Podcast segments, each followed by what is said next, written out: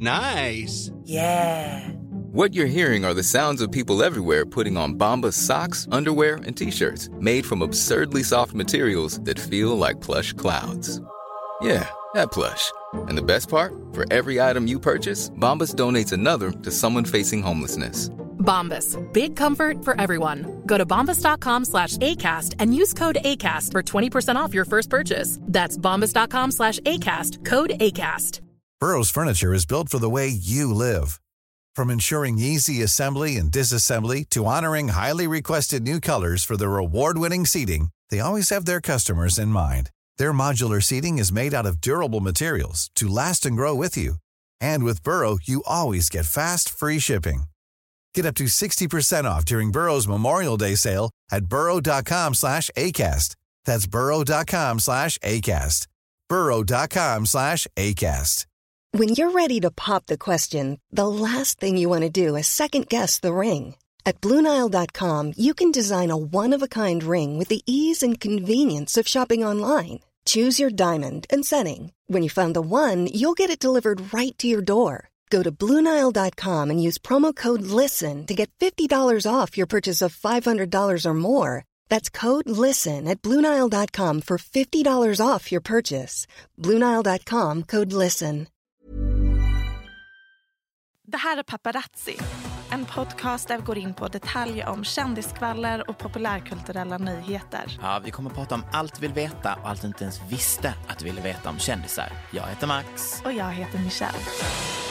Då är det jag som är besatt av en ny person, Michelle. Nämligen. Putins okända dotter Luisa Rozova. Hädanefter kommer jag referera till henne som Lou, för det blir bara lättare för alla i den här eh, i den här Louisa var svårt eller? Lättare med Lou. Ja, det är med Z. Man kan inte uttala Z som S, men om du vill kalla henne Lou, go ahead. Luisa. Luisa. I alla fall, det är eh, också inte hennes riktiga namn. Hon har egentligen ett annat namn som hon föddes med. Men hon har en, eh, vad heter det, Sy- pseudonym? Pseudonym, precis. Eh, men med okänd så menar jag ju mest icke erkänd av sin egna pappa. Eller som tidningarna skriver efter ett gräv tidigare i år om Putins okända familj. En produkt av en hemlig affär som skedde under 90 och tidigt 00-tal.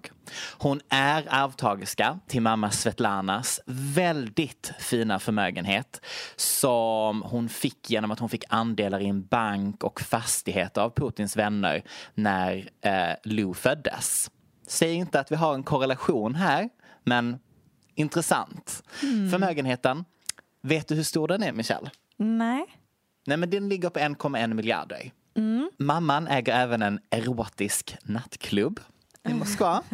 Vilket ju då kanske är anledningen till varför Lou då, för att fira sin 18-årsdag, debuterade med ett härligt DJ-set på en trendig klubb i Moskva. Nej men du hör, she's a DJ.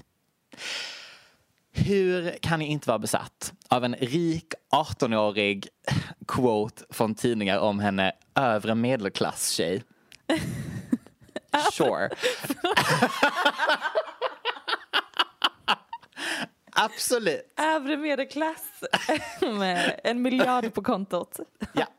Som pluggade universitet i Sankt Petersburg och hennes Instagram bara skriker pengar som DJ. Nej men det här är ju min nya She's my muse, she's my everything. I love men this. också att hennes ansikte, nej men hon är ju copy-paste Putin i kvinnlig version. Okej. Ehm, Skicka det är bild. liksom omöjligt att förneka Michelle. Jättelika. Visst? Verkligen. Hon var inte lika...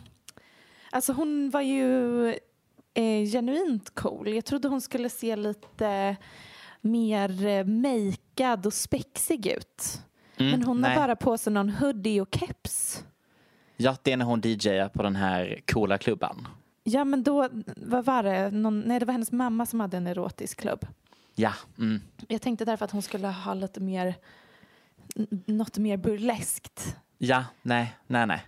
Men det är också inte bara vi som tycker att hon är lik. Eh, den här tidningen som gjorde Grävet som avslöjade henne hade gjort någon slags teknisk analys av ansiktet och har slagit fast att likheten är 70,44 procent. Vänta lite, vad finns det för mer för bevis förutom att de är lika varandra på att hon är hans dotter? Nej, nej, nej, det är att de har grävt, hennes maiden name är Vladi, Vladi någonting och det är så du döper i um, Ryssland. i Ryssland Mm. så tar det ju pappans eh, namn och att när hon i hennes birth certificate så finns det, så står det fader okänd. Mm. Så det är mycket, ja, alltså det är flera tidningar, flera tidningar som har grävt på detta. Och det, Putin har ingen bror eller något sånt? Nej, eller alltså, nej, nej, nej, det är Eh, så här de har kopplat ihop det. Men är Putins dotter en DJ? Inte riktigt. Det är ju då nämligen så här att hon spelade på den här klubben, Rovnesniks, och deras DJ-motsvarighet till en open mic night som de kallar Phone a Friend. Vilket alltså innebär att eh, Ja, att man bjuder in folk som egentligen inte är DJs till att ha ett DJ-set. Klubben är dock, alltså den är rätt så känd för att vara väldigt progressiv och det är mest typ så här Moskvas intelligentsia som hänger där. Det är så här ung crowd som inte riktigt kanske är pro-Putin. Vilket gjorde att när ryktet då florerade att dottern skulle vara där och spela när hon sen dök upp med höjd säkerhet, ska vi också lägga till för den här historien, och eh, hemliga agenter som helt plötsligt började dra ut journalister därifrån när hon började spela. Stämningen Kanske inte jättebra. Och det kan man ha åsikter om. Jag läste någon djup tolkning om att, eh, om, kring rysk identitet och att de alltid så här håller generationer för att stå till svars för vad någon har gjort. Bla, bla, bla, bla, bla. Du undrar ju bara nu, vad spelar hon för låtar? Ja, exakt. Ja. Så att jag men- tänkte på. 100 procent. Hon är inte nästa Peggy Goo, får jag erkänna. Även om jag stöttar hennes, som vi sa tidigare, lågmälda stilval. Men låtar som spelades var en blandning av Beyoncé och Rihanna. Två Underbart. ryska artister och Rhythm of the Night med Corona. Passande. Nice. Ja. Det är ju som att man hade ställt sig med en AUX-sladd på en hemmafest och tryckt play på Spotify. Men absolut. Jag spelar bara Drunken Love på repeat.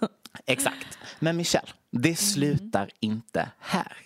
Jag anar nämligen, med bakgrund mot nästa projekt som hon är inblandad i, som jag ska berätta om, att Lou följer en väl beprövad mall för hur arvtagerskor eh, ska skapa sig ett namn genom konst och kultur. För att hon må kanske inte spela fler DJ-set efter den här lilla situationen. Men vet du vad som hände på självaste valborg? Nej. Då debuterade Lou som kläddesigner. Ja, då har hon ju på en pop-up modeshow i Sankt Petersburg presenterat sitt klädmärke. 123 Avenue. 123 Ave- Avenue. Ehm, som enligt Instagram då etablerades 2020 men som eh, hon då nu har visat. Vill du se hennes kläder? Jättegärna. Jag har grävt fram modeshowen också. Det trodde jag också. Men det var ju snyggt. Eller? It's a fashion show. Ja, alltså det var inte by, det var inte bä. Nej, precis. Men jag tycker i alla fall att det är en, ett, ett, ett spännande Eh, ett diskussionsämne om hur kultur och de som oftast får chanser numera, eller handen på hjärtat ofta varit, är ju typ barn av antingen arvtagerskor, pengar eller redan etablerade personligheter inom sfären. Det kanske inte garanterar succé och storhet, men det kanske hjälper att man får en, en möjlighet, en chans. Sen är det kanske lite skillnad på typ så här Billie Eilish och att hennes mamma var typ hade kontaktnätverk versus att kanske det var Putins hemliga dotter. Time to talk about my one and only Ilaria Baldwin. Ah. Förra året så fick vi ASAP Rockys läckta sextape precis innan jul och det var den ultimata julklappen för mig 2019. Det här året så fick vi ett otroligt scoop om Nej, är- ingen mindre än friend of the show Ilaria Baldwin. Ah. Sanna fans vet att eh, hon har en speciell plats i mitt hjärta. Jag tar upp henne ganska ofta, senast för, förra avsnittet. Precis, Ehm, little did we know. Little did we know att det där skulle eskalera as fuck. Eh, jag vet inte ens varför jag har, är så fascinerad av henne. Nej, jag har aldrig förstått det därför att för mig är hon verkligen, eh, fram tills nu, ehm, en rätt så tråkig människa. Ja, jag kan förlora mig i hennes flöde och bara Ja. tänka vad är det här för människa? Vad är det här för livsstil? Och nu Max ska Nej, du få lära dig Nej men nu ska du få lära dig en liten fun fact om mig. Berätta. Att Hilaria Baldwin är den enda kändisen som har blockat mig.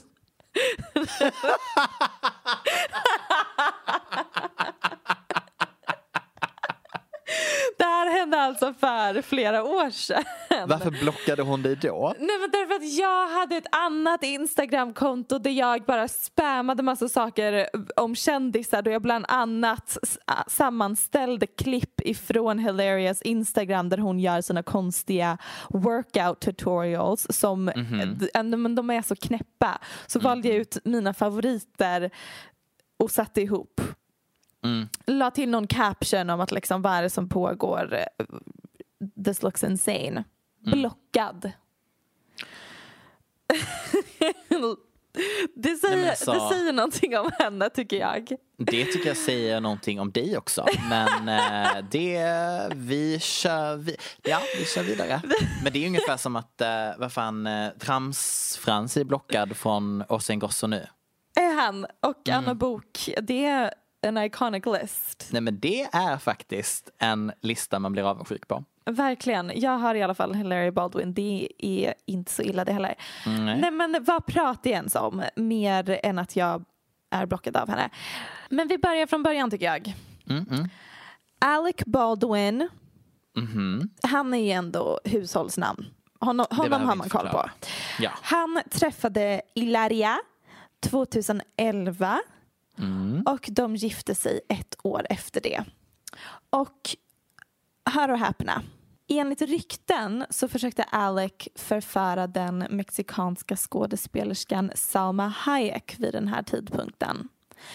Och det sägs att han hade en grej för, för Latin women. Ett rykte, Han och många andra. Han och många andra. I mean, I cannot blame them. Men det här är då ett rykte som folk menar att Ilaria hade fått nys om och bestämde sig därför för att introducera sig som en tjej född på Mallorca som flyttade till USA när hon var 19 för att plugga på NYU. Ehm, det som jag tycker är roligast redan där är att hon väljer liksom typ Mallorca. För att av alla ställen att, att referera att komma ifrån i Spanien så hon bara Lökigaste staden. Mallorca.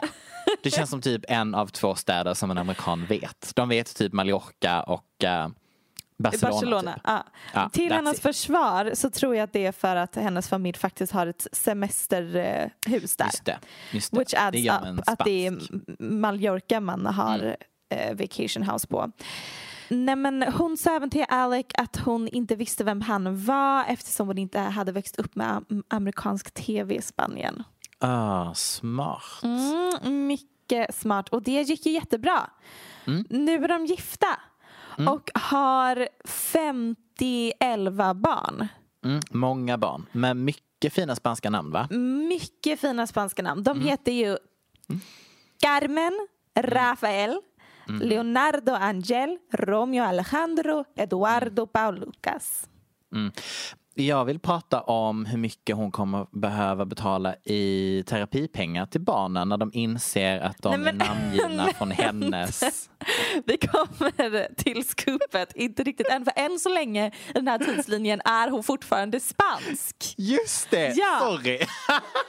Hon har ju bara precis träffat Alec och introducerat sig som Ilaria från Mallorca. Eh, hon är 36 numera och han är 62. Vilket bara det, jag bara, man vill inte ha fem småbarn när man är i 60-årsåldern. Nej, nej. det Ingen vill det om inte hon är liksom, hon håller på med hypnos och eh, har fullkomligt hy- hypnotiserat honom. Mm.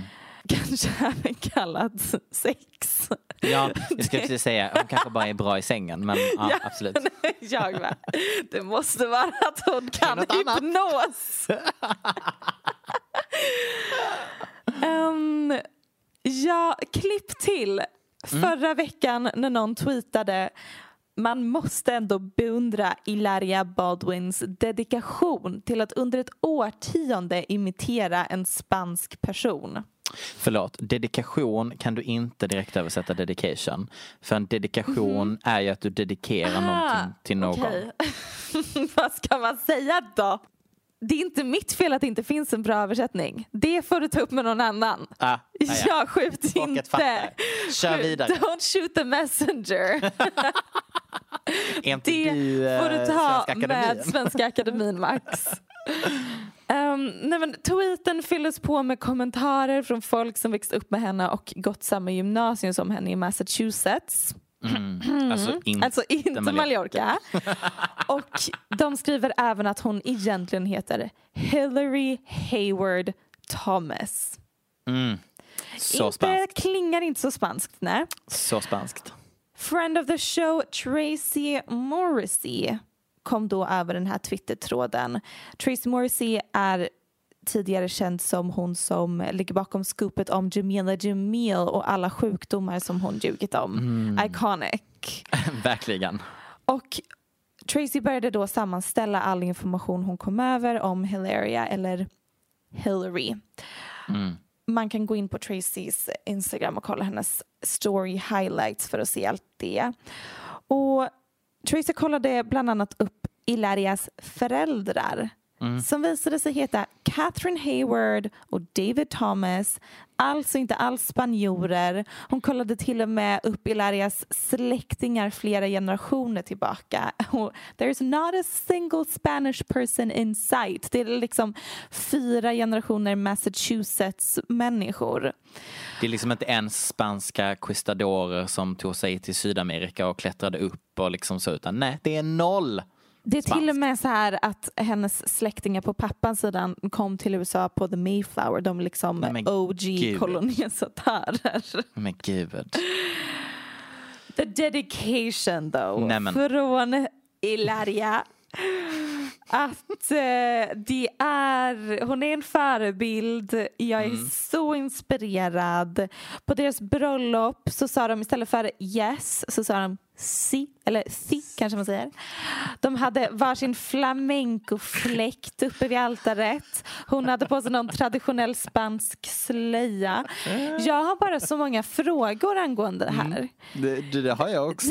Hur, alltså, hur kunde hon upprätthålla det här i Nej men det är helt sjukt. så många år? Men hallå, du har inte ens touchat vid att hon har haft fake-dialekt hela tiden. Just det, just det.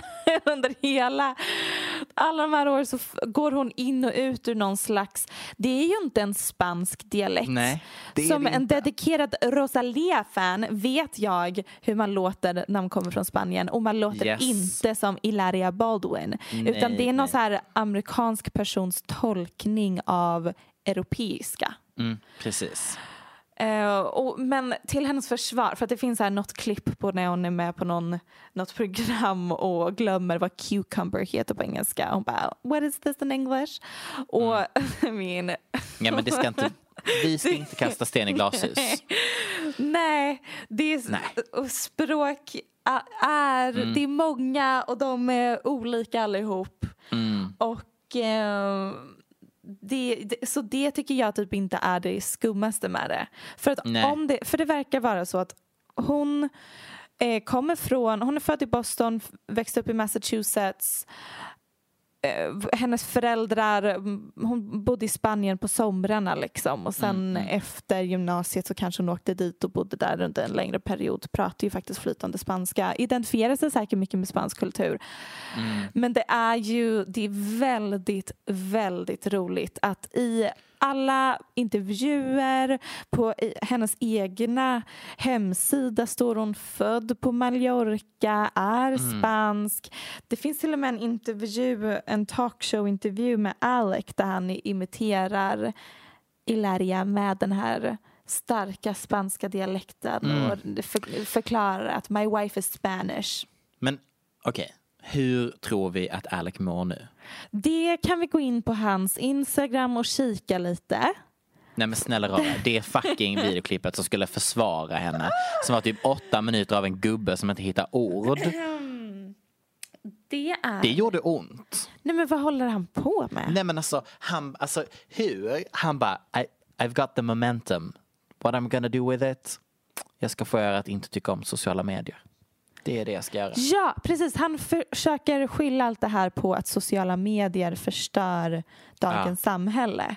Att vi är så egna bubblor. Och jag bara, ah, nej gubben, det är precis. du som har levt i en bubbla skapad av din fru. Och det är nästan det som gör det så extremt mycket roligare för att hon försöker också lägga upp klipp på Instagram då hon förklarar liksom då hon förtydligar att hon föddes i Boston, hon har flyttat mellan Spanien och Massachusetts hela livet. Det har blivit missförstånd i tidningar. De har faktakollat fel när de mm. skriver att hon är född i Spanien även om att hon själv på hennes egna hemsida säger just att hon är född i Spanien. Men de har inte faktakollat. Nej, just det. Um, och det är väldigt mycket så här, jag är stolt över den jag är, tänker inte låta sociala medier bring me down. Vi Nej. är en multikulturell familj och vi är stolta mm. över det. Vi, ni kan inte få så må dåligt över att vi är en multikulturell familj och vi bara, but you're not! You're Ni är not! Så vita. Ni är så vita. Men alltså det, to be fair, det är inte som att vara spansk inte är att inte vara vit. Vilket hon också såhär bara, you're right, I am white, I never claimed anything different. Och jag bara, true. Mm, sant, I USA så är ju diskursen kring race så himla svartvit, liksom literally. Ja. Mm. Uh, och de bara, wait, påstår hon att hon är latina för i mm, sådana fall mm. blir det en diskussion om kulturell appropriering på ett helt Just annat det. sätt. det mm, liksom... Och det har hon ju inte gjort.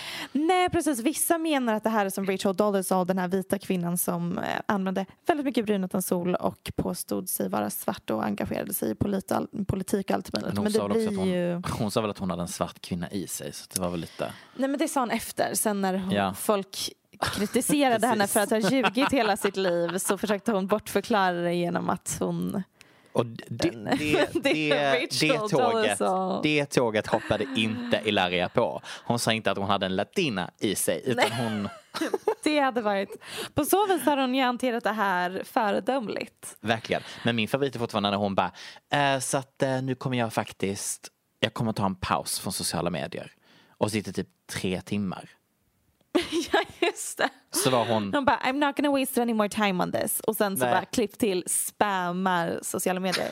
Vilket jag tycker är en mycket smartare taktiken om hon vill att folk ska börja prata om något annat. Lägg ut massa annat ja. istället då. Ja, ja, ja, ja, ja. skitsmart. Uh, Alec la även upp så här massa konstiga osammanhängande inspirerande citat på hans mm. Instagram. Bland annat A lie can travel halfway around the world while the truth is putting on its shoes. Jag bara, ¿qué? ¿Qué? ¿Qué pasa? Please explain it. What lie is traveling around the world? And, and in this context, what are you referring to as the truth? Vad va är det som... Har du vetat om hela tiden, Alec? Eller försöker du bara själv processa att din Eller försöker du bara distrahera oss med bara osammanhängande liksom... ord? Det var något mer han la upp. Jag tänker liksom hela ditt bröllop. Men han själv tyckte också om Spanish culture. Så att han måste ju fortfarande ha tyckt det var kul med sitt temabröllop. Ja, vänta, här han upp också. There will be in the next generation or so a pharmacological method of making people love their servitude and producing dictatorship without tears. So to speak, producing a kind of painless con concentration camp for entire societies so that people will in fact have their liberties taken away from them but will mm. rather enjoy it because they will be distracted from any desire to rebel by propaganda or brainwashing or brainwashing enhanced by pharmacological methods. And this Oj. seems to be the final revolution. Max det här är en man som befinner sig i psykos. Eller så här, för att kom han ut lite som antivax mitt alltihopa det, det är det jag inte förstår. Va, va, vad är, vart hittar han ens de här citaten? Jag förstår Nej, men, inget alls. Han är ju offer av den dåliga sidan av Facebook. Vi andra, vi är fine. men han är ju i, i such a deep state situation just nu. Denial, denial, Nej, denial. Nej men det är hemskt. Shout out till Alec Baldwin. Tur att din fru fortfarande är tight as fuck. Eh, men i alla fall, och då så var jag inspirerad ännu en gång av den här andra clean-tiktoken då. Som är att på vissa toaletter så, ska du, så finns ett hål i mitten när du öppnar l- där uppe. Och då ska du hälla i, du vet, WC-dack-grejen. Vänta lite. För det första, vadå hål där uppe? när man liksom öppnar upp själva den eh, spolgrejen. Som antingen går åt höger eller vänster. Så kan du vinkla den och då finns det ett hål i mitten. Åh nej. Häng med! Så jag bara, gud vad smart. För då så visar de så här att de häller i och sen stänger de. Och sen så när du spolar så l- skickar den ut WC-dacken i toastolen. Istället för att ha den hängande. Så jag bara, wow, groundbreaking. Ställer mig nu här i förrgår och hade då köpt en stor ny WC-dack och börjar hälla. Och tyvärr har jag eh, stängt locket så jag ser inte vad som händer. Och jag bara, gud vad stor tank det finns i min toastol. Jag tömde hela flaskan. Eh, Nej men då har det runnit rakt igen och bara lagt sig i toastolen. Hur gick det och spolade då? Och jag bara, åh nej. Och så spolar jag. Och så, det är liksom typ så här en halv, alltså det är en halv liter. Den där blåa kemikalier. Jag bara, oj då. Och sen så, åh, men så tänkte jag, nej men det kanske inte var allt som rann igenom. It's fine, det måste ändå vara någonting kvar. Då slutade inte, det, alltså det sipprade blå, blå färg i ett dygn ur den här toastolen. Men det måste ju blivit hur mycket lödder som helst. Nej, det blir inte lödder av det, det blir bara liksom... Ja, oj, det skulle du vara tacksam för. För har du testat att hälla handdiskmedel i en diskmaskin någon gång? Eh, det har jag. För att jag ville... jag skulle diska diskmaskinen. Skulle För diska det luktade unket. Bara, då tar jag lite diskmedel. Ja, det blev lödder i hela lägenheten. Oh. Ja. Så att, men jag, så här, nu kommer jag sluta ta tips från TikTok. För att senast jag gjorde det så förstörde jag ju mina ben. När jag, när jag tittade på den här TikToken med att gå i aggressiv lutning på löpbandet.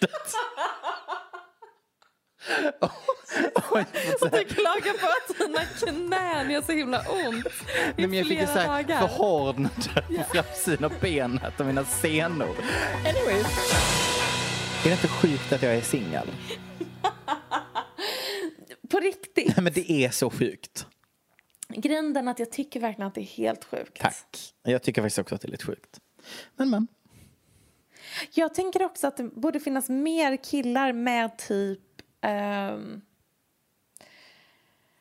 daddy issues som uttrycker sig på det sättet att de vill bli ihop med en person som man kan liksom utvecklas tillsammans med. Det är väl det som är typ halva alla par som är heterosexuella par.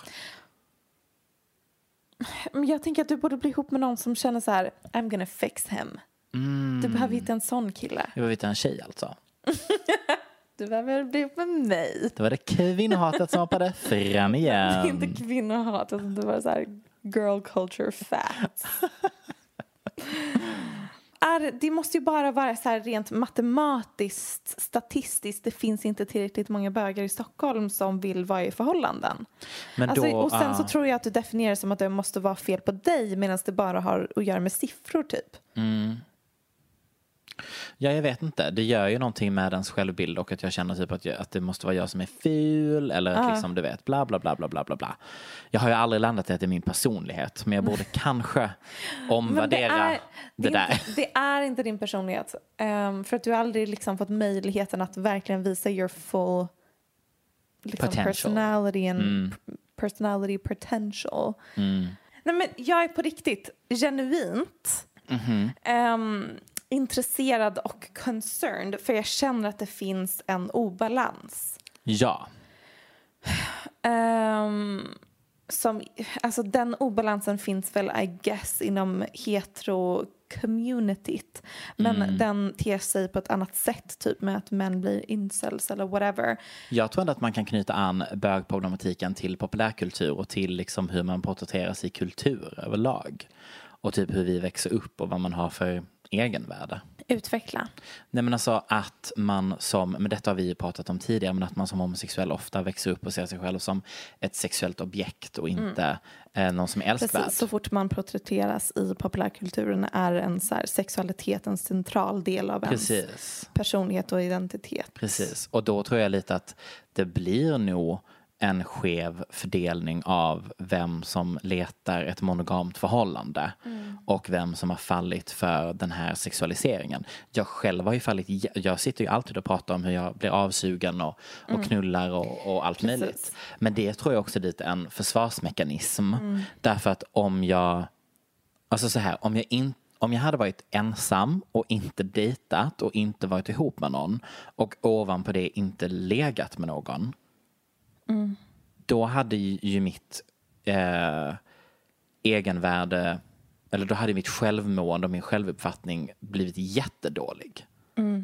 Då hade jag ju bara konsumerat andra snygga människor på internet när jag är kåt. Och sen hade jag bara typ varit ensam all, all, all annan tid. Det hade varit jättedåligt. Och då tror jag att man använder sex som någon slags bekräftelse. Alltså så här, det är inte som att homosexuella och homosexualitet har uppstått i ett vakuum. Nej, precis. Det är klart att, att mina livsval och hur jag ser på samhället och jag navigerar är skapat av en kultur runt omkring oss. Och sen så tror jag också inte att homosexuella män egentligen vet vad de ska göra med alla rättigheter som de har vunnit.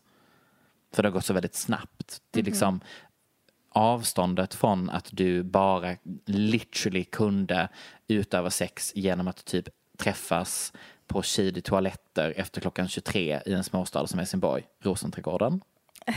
Iconic. Iconic. Det är även där man röker gräs. Det är också den som vi kallar för bögparken när vi växte. Bögparken och där jag rökte gräs Ja. på gymnasiet. Absolut, det hade min första kyss. Nej men och då tänker jag att det, eh, det har gått så snabbt. Det är verkligen bara typ en generation däremellan. Från att du var tvungen att literally vara på Shady Places 23.00 till att du har allt. Och jag tror att det är väldigt svårt att då kräva att alla ska ha ställt om sin, eh, hur man kanske har växt upp eller ens förtryck, jada jada jada, till att eh, vilja leva ett på ytan heterosexuellt monogamt förhållande, liv. Hur tror du att det kommer se ut om tio år typ? Fast jag tror redan att det är jätteannorlunda om du hade pratat med typ en 18-åring.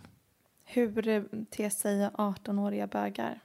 Nej men alltså det känns som att det är mycket, detta baserar jag kanske absolut på egna upplevelser och typ min For You-page på TikTok. nej men alltså, nej men det är väl också allmänt eh, omskrivet i olika think pieces att Gen Z och de som är, alltså så, att det är mer fritt att, eh, ja men liksom att, att vara ingenting och att vara allt. Och jag tror att det gör jättemycket. Med vad man, Man får vågar. vara liksom tredimensionell. Man är inte Precis. så här tvådimensionell eh, bög, vilket är liksom de enda gångerna man por- porträtteras i populärkulturen så är man liksom antingen den här the gay best friend sidekick alternativt att ens ehm, sexuella läggning är liksom the central part of the story utan att man kan vara det men också vara så mycket mer. Precis. Ja, jag tänker mig att de som är lite yngre än oss, vilket ändå inte är så mycket yngre, men liksom lite yngre kan ändå känna att de är multidimensionella. Exakt. Det är liksom verkligen inte alls så yngre som i att jag känner mig gammal. Nej. Utan det är verkligen typ åtta år. Du sa innan någonting om att eh, använda, liksom att skämta om det här på ett sätt, så här copingmekanism eller försvarsmekanism. Kan inte du utveckla om det? Det förväntas väl ofta typ av homosexuella män att man ska vara eh, sexuell. Och det är väldigt lätt att dra det kortet när man kanske mår dåligt eller så här. Ja, nej men verkligen bara punkt, punkt. när man mår dåligt. Och då tror jag det är väldigt, alltså det är ett väldigt tacksamt kort och samtalsämne att dra som bög. Och det genererar alltid underhållning. Det genererar alltid skratt, det genererar alltid likability. Och Det är liksom- bekräftelse. Bekräftelse. Det är så här, det är kul att höra att någon sög av tre killar på ett dygn. That's fun. Om jag säger det. Det är inte alls som att om du hade berättat det i den här podden så hade ju inte folk Gud vad kul historia att Michelle sög Fast tre kukar på samma dag. Du hade tyckt att det var jättedåligt. Jag hade tyckt att det var jättekul. Men jag tror att folk hade haft en annan uppfattning än när jag säger det. För det är en del av mig. Alltså min personlighet är att jag ska vara sexuell. Min personlighet är att jag ska ha de här galna historierna. Ja, som jag berättade för dig häromdagen. Jag försökte kolla på han och Amandas tv-serie. Mm. Eh, tyckte att den var väldigt bra, men väldigt svår att hänga med i. Du, förlåt, citat nytänkande skrev du Ja, faktiskt. jag sa- Experimentell. Nytänkande, experimentell som man ser filmen Magnolia. Man Mm. fattar inte riktigt. Eh, man hänger inte med överhuvudtaget men det känns ändå som att den är artsy och bra. Mm. Klipp till att jag var hos mina föräldrar i helgen och de börjar kolla på serien och ser avsnitt som jag aldrig någonsin sett. Mm.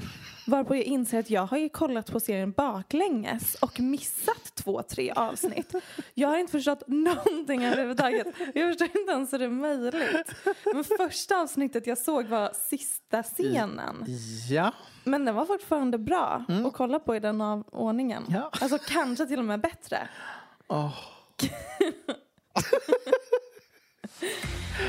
Du och tv-serier är det roligaste vi har faktiskt. Jag anstränger mig. Ja. Jag hade en väldigt trevlig interaktion med my new best friend, friend of the show, truethompson.angel.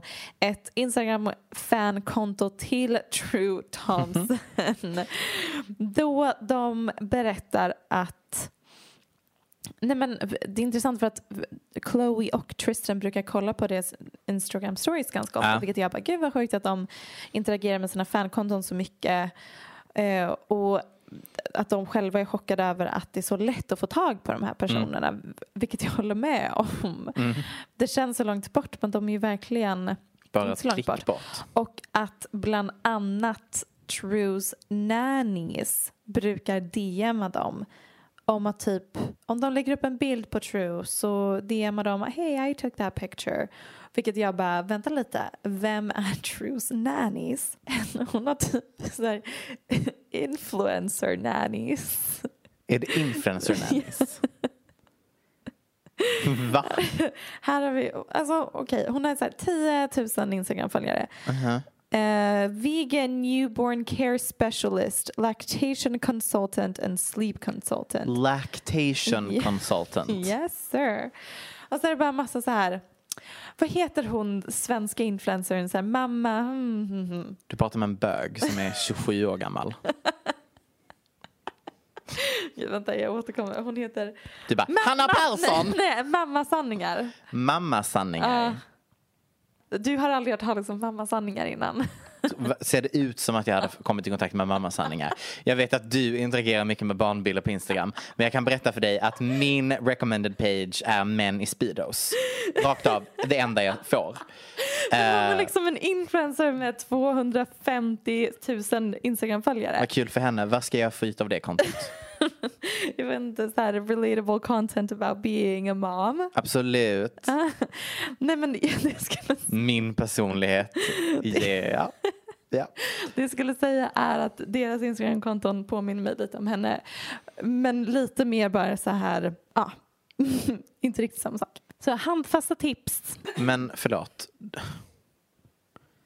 Varför är det på spanska? Nej, det är eh, inte en spanska. Det är, Är det portugis- portugisiska? Det är portugisiska. Är det Och- Brasil-Portugil? Eller Ja, är det po- portugis. portugis?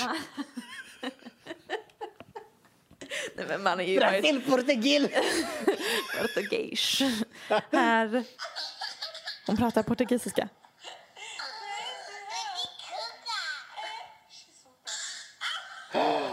True pratar portugisiska. Det är så sjukt. Här har vi Men det är då alltså- en mamma och en dotter som är influencer nannies. Och deras flöde ser likadant ut. Det är det sjukaste jag varit med om. Förlåt, och de är, de är Chloes. Det är Truth nannies. Jag dör. Alltså jag, jag förstår. Det är så konstigt. Varför vill man inte ge sitt barn en så normal uppväxt som möjligt? Vill man inte anställa folk som inte är kändiskåta till sin dotter? Det är jättekonstigt. Men i och för sig så kan jag tänka mig att de så här Det är faktiskt inte så mycket bilder på dem själva utan det är mest så här infographics Ja, om ja, bebisar. absolut. Men det är ändå lite Det konstigt. är weird. Och det är också så här opraktiskt att lära sig portugisiska. Det, det, spanska är språket som man borde lära sig i USA. Förlåt. Alltså, jag vet inte hur jag ska hantera den här informationen. Nej, men det har ju då kommit till min kännedom Mhm. att männen floppar just nu. Okej. Eh, 2021 är för männen vad Knocked Out Loaded-eran var för Bob Dylan. För de som har koll på det. Eh, jag menar inte som en eh, plojig eh, feministisk sak att säga utan jag menar det som objektiv sanning. Okej. Facts. Ehm, och det är, det ni behöver inte oroa er, det är liksom egentligen status quo, fortfarande patriarkat och så vidare. Där männen däremot börjar dippa den senaste tiden är på sexighetsfronten. Och jag vill ge lite cred till en text av eh, en skribent som heter Hunter Harris som la upp ett liknande ämne som jag har associerat vidare på men också en fortsättning på en prat jag hade i avsnitt 60 om att Hollywoodhunkarna är fridlysta. Mm. För er som inte hörde det avsnittet eller zonar ut varje gång jag öppnar min dumma lilla mun så har jag sammanfattat det här. Mm. Throwback, buckle up. Eh, för tio år sedan så köpte Disney upp Marvel Entertainment vilket gav Disney äganderätt till tusentals väletablerade superhjältevarumärken. Och det här hände i samma veva som streamingtjänster började ta över hur vi konsumerar film.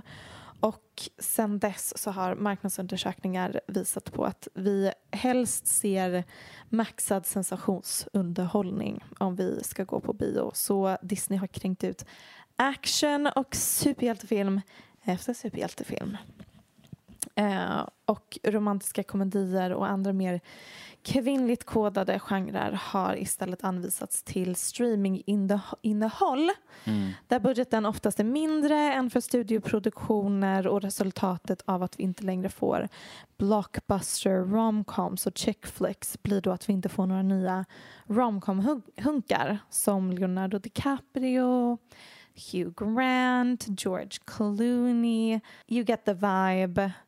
Män med karisma har sakta men säkert tvinat bort från bioduken. Tycker du inte att Timothy Zachariah har karisma? Vi har Timothée. Vi har Adam Driver. Adam ser lite som en Picasso-tavla. Men Alltså, älskar ju tyvärr I, Adam. I would still smash. Gud, får göra vad Men jag han tycker vill inte vi med ska mig. nöja oss med det.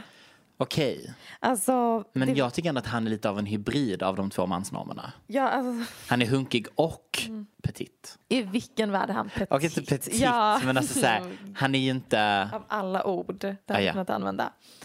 Nej men, ja, still fuckable. Absolut. Men var är liksom the pretty faces? Jag tycker det är så skönt att vi inte har det längre. Ja, jag sörjer det Max. Okej, du sörjer det. Jag sörjer en ung Johnny Depp. Mm. Men, och jag tror att jag inte är ensam. Men inte en gammal Johnny Depp. Nej, nej, den gamla Johnny Depp ehm, kan få vara i fred. Nej men eh, s- slut på sammanfattning. Ja, okej. Mm. Eh, och, så ni fattar ju. Redan där går männen back på sexighetsfronten. Men nu till dagens punkt på agendan. Oj. Att jag insett eh, att det vi har fått istället för den typen av romcom-hunkar är proteinshake-drickande muskelknuttar. Ah, Jag talar inte om gudar. dig. Jag talar inte om dig nu, Max. You, Jim. Um, Whore. little gym slut. Nej, men eftersom dagens produktioner som sagt består av actionfilmer så har muskler blivit ett krav för att landa en A-list huvudroll. Mm. Vi har, och nu, alltså väl, välkommen till kyrkogården. Ja. Vi har till exempel fått se Chris Pratt gå från en charmig kille i Parks and Recreation till en Marvel gymkille. ja, faktiskt horribelt. Ja, fruktansvärt. Samma sak med John Krasinski från The Office, alltså superskärmiga Jim. Han inte precis blivit ful. Nej. Det måste jag ändå ge honom. Du hade fortfarande gått i säng. Men vem hade kunnat ana att hans starkaste tillgång skulle bli hans magrutor? Många kan nog ändå ana det. Nej, aldrig när han var med i The Office hade man tänkt hmm, hans starkaste tillgång kommer vara kroppen och inte hans eh, karisma och charm. Komikern Kumali Nanjiani chockade internet när han visade upp sin inoljade superkropp inför Marvels Eternals. För att inte tala om svenska exportvaran Alexander Skarsgård som citat transformed into an absolute beast inför sin senaste roll. Tittar vi på de högst betalda männen i Hollywood idag så är det liksom Dwayne The Rock Johnson som är mallen. Och männen försöker bara återskapa den världsmästaren i wrestling. Det, där, det där vi satte ribban. Men är inte detta för att vi också lite kopplar tillbaka till 80-talets kroppsideal? För då var ändå mannen skulle ju liksom se ut, alltså jag tänker typ så här John, Tra- nej inte John Travolta, vad fan heter han? Vår favorit som har varit guvernör, hjälp mig. Eh, blandade du nyss ihop John Travolta och Arnold Schwarzenegger? Det kan ha hänt att jag gjorde det. Ja men Arnold Schwarzenegger, ehm, alltså jag tänker liksom, det, alltså siluetten på den manliga kroppen på 80-talet var väldigt likt den du har idag. Och att 90-talet och tidigt 00-tal snarare var liksom en glitch in the matrix när det gäller Just kroppsidealet för männen. Det är faktiskt en väldigt bra poäng. Så, så kan det verkligen vara. Men nu tänker jag mest liksom på vad det är som gör att det ser ut så här just nu. Eh, och eh, som sagt, det finns ju undantag. Det finns ju skådespelare som inte är Marvel-dopade. Men eftersom de största produktionerna idag är actionfilmer så eh, är det de som blir A-listers. Och nu är ju jag ingen auktoritär röst när det kommer till kvinnotillvänd underhållning och den kvinnliga blicken. Men jag vågar ändå påstå att när alla män i Hollywood börjar se ut som framavlade Belgian blue-tjurar då är det inte kvinnor som står bakom kameran. Nej. Precis som du tog upp förra veckan angående Will Smith. Att alla vet att de enda som fascineras av mäns veniga armar är andra, Andra män. män. Ingen kvinna har någonsin brytt sig. Ehm, det var liksom aldrig kvinnor som bad Chris Pratt att förlora all sin charm och bli en ihålig gymkille. Nej. Det, mm, jag skulle snarare säga att eh, det vi bevittnar i Hollywood just nu är eh, snarare väldigt dyr bögporr för straighta män. Eh, tyvärr, För mig. tyvärr ser det inte mycket ljusare ut i musikindustrin heller. Nej, du, det var bra att du tog det dit. Och det här har du och jag pratat om innan. Ja. För när var sist du såg en man dansa? Alltså verkligen en synkroniserad, Ja, nu menar jag inte The Weeknd springer runt i en labyrintdans. koreograferad dans. Nej. Nej, inte The Weeknd som, som ser förvirrad ut Nej. och så här, springer lite fram och tillbaka på scenen och, Och sen- sen alla YouTube-klipp är så här, oh my god, he... He put in such an effort. Yeah, that was incredible. He, I can't believe he moved across the stage. Förlåt, exakt samma när han uppträdde på Brits förra veckan. Nej, han men bara, alltså- We're so grateful for you representing the top tier of the industry. Bara, han står i en fiskehatt, stilla och sjunger. En bra låt, never, alltså bra Ja, låt. men det, alltså det, är Men det är ju inte- tragiskt. Ja, det är för att tragiskt. inte tala om ja, men The Weeknd och sen så har vi Ed Sheeran och Post Malone som är liksom de mest streamade artisterna Ah. just nu. Har du sett typ Post Malone på en konsert? Jag har faktiskt eh, aktivt undvikit att titta på det för det känns disturbing. Det är tragiskt. Jag har däremot tyvärr sett Ed Sheeran och det var kanske det mest snusfästiga jag kan tänka mig. Han är liksom som Fast det, detta som är så intressant att han har aldrig känt att han behövde förändra sig medan Taylor Swift absolut var tvungen att bli en ja, poptjej för att lyckas. reinvent varje Varje era. jävla era. Ja, vi gick ju då från Michael Jackson och Prince, pojkband som Backstreet Boys och Westlife, artister som Justin Timberlake och Usher. Och Vi måste också det, nämna tyvärr The Hate One, Chris Brown. Ja, Chris Brown och Usher, alltså de hamnar i samma kategori. Men efter dem så tog det slut. Eh, Justin Bieber anstränger sig aldrig mer än nödvändigt. och vi blev kollektivt tokiga när Harry Styles tog totalt tre steg under sitt Grammy-uppträdande. Var är en modern Prince som ålar sig fram på dansgolvet? Var är en samtida John Travolta i crop top och minishorts? Mick Jagger som spatserar runt på scenen. Var är 20-talets version av D'Angelos musikvideo till Untitled?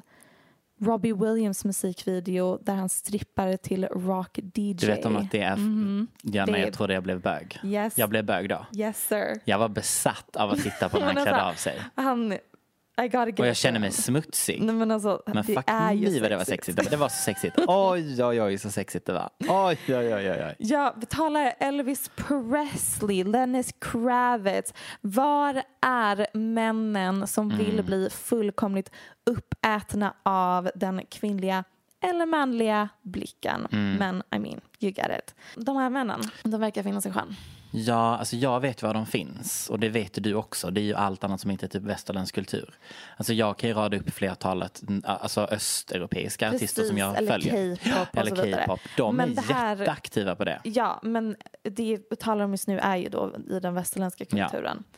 Ja. Eh, när jag gick på en Drake-konsert för ett år sedan, mm. för ett par år sedan till exempel. Vet du vad han gjorde Max? Nej. Som underhållning. Han satte sig ner. ja, alltså han gjorde säkert det. Alltså han tog, mm. drog säkert fram en, en stol flera gånger.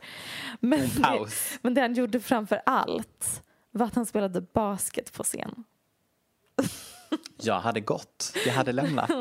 Han sköt hoops. Men alltså, that's what you get när du hypar upp en människa som var med i en tv-serie, en kanadensisk tv-serie var en mobbare och ljög om sin bakgrund. That's what you get I mean, honey.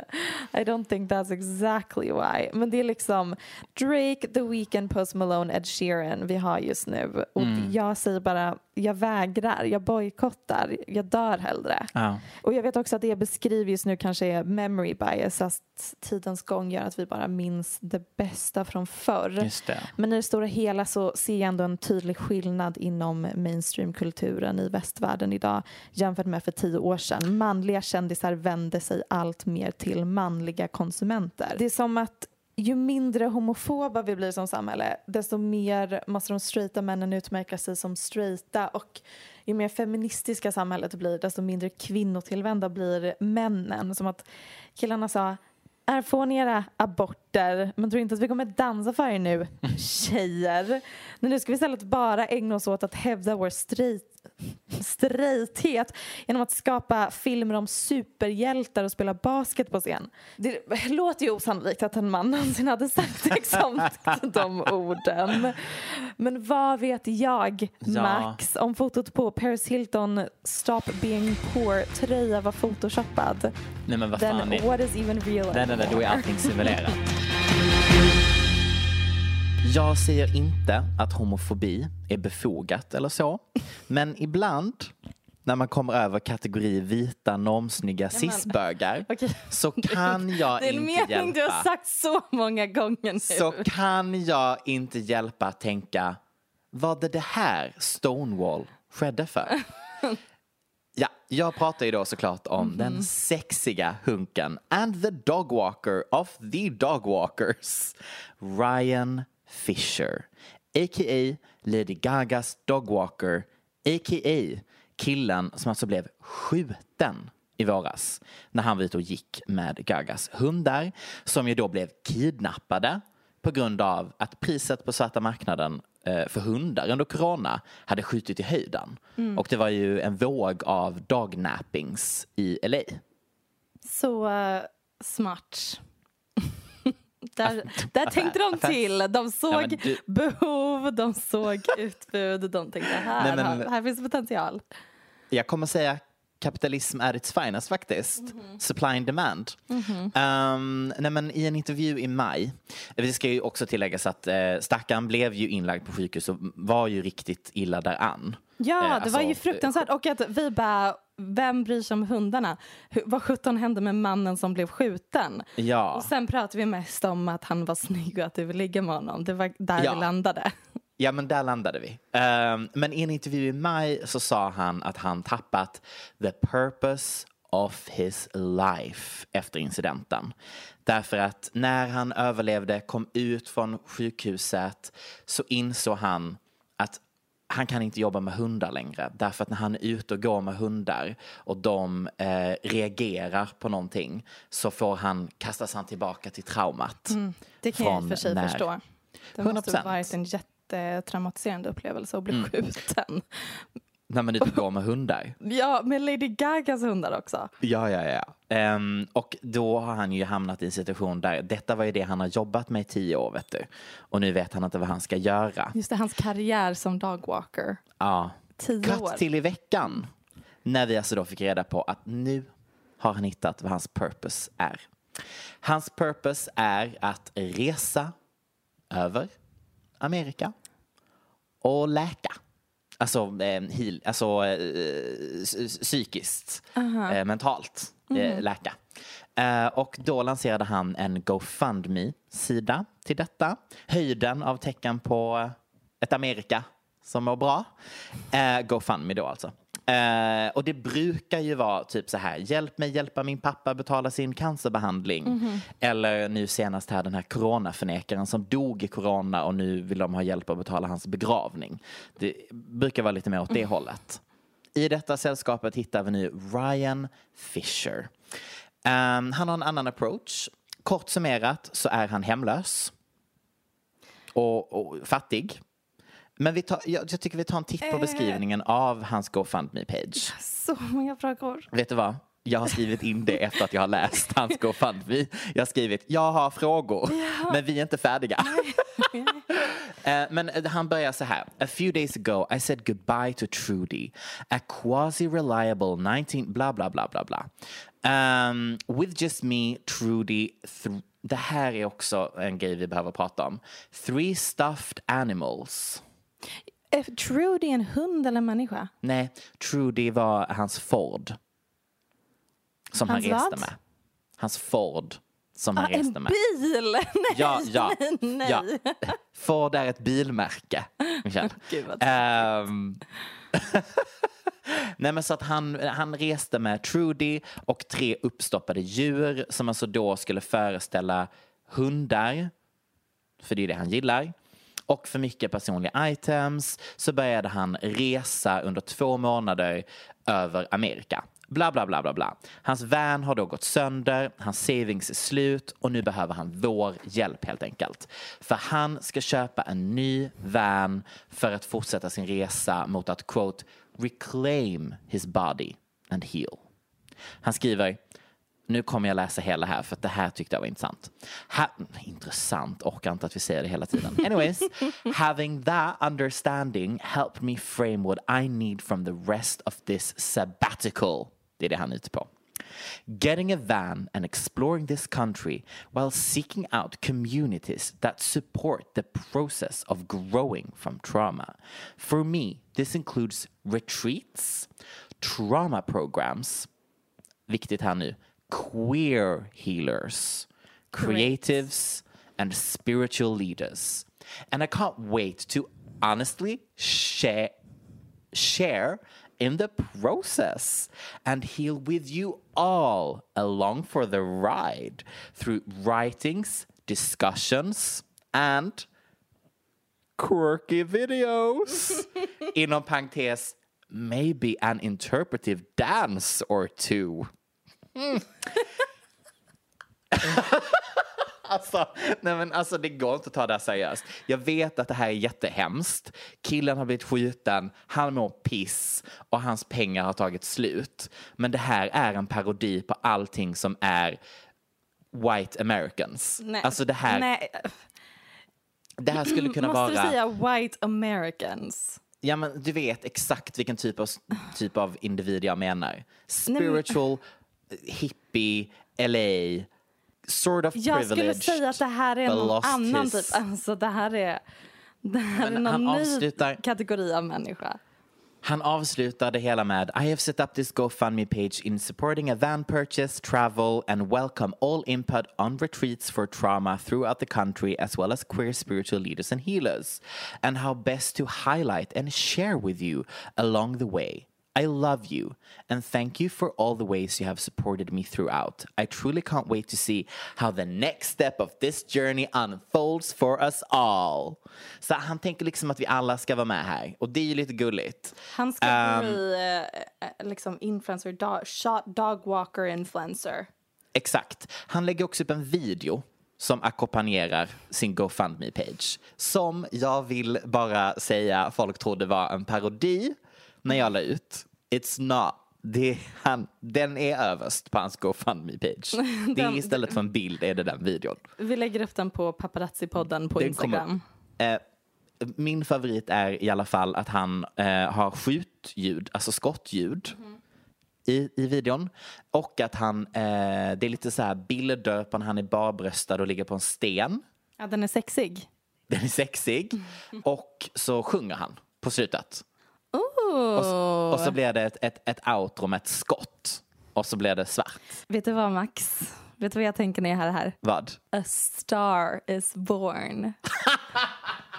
Så jävla dumt. Ehm, till alla som undrar hur mycket det är han vill dra in. Han vill då få in 40 000 dollar.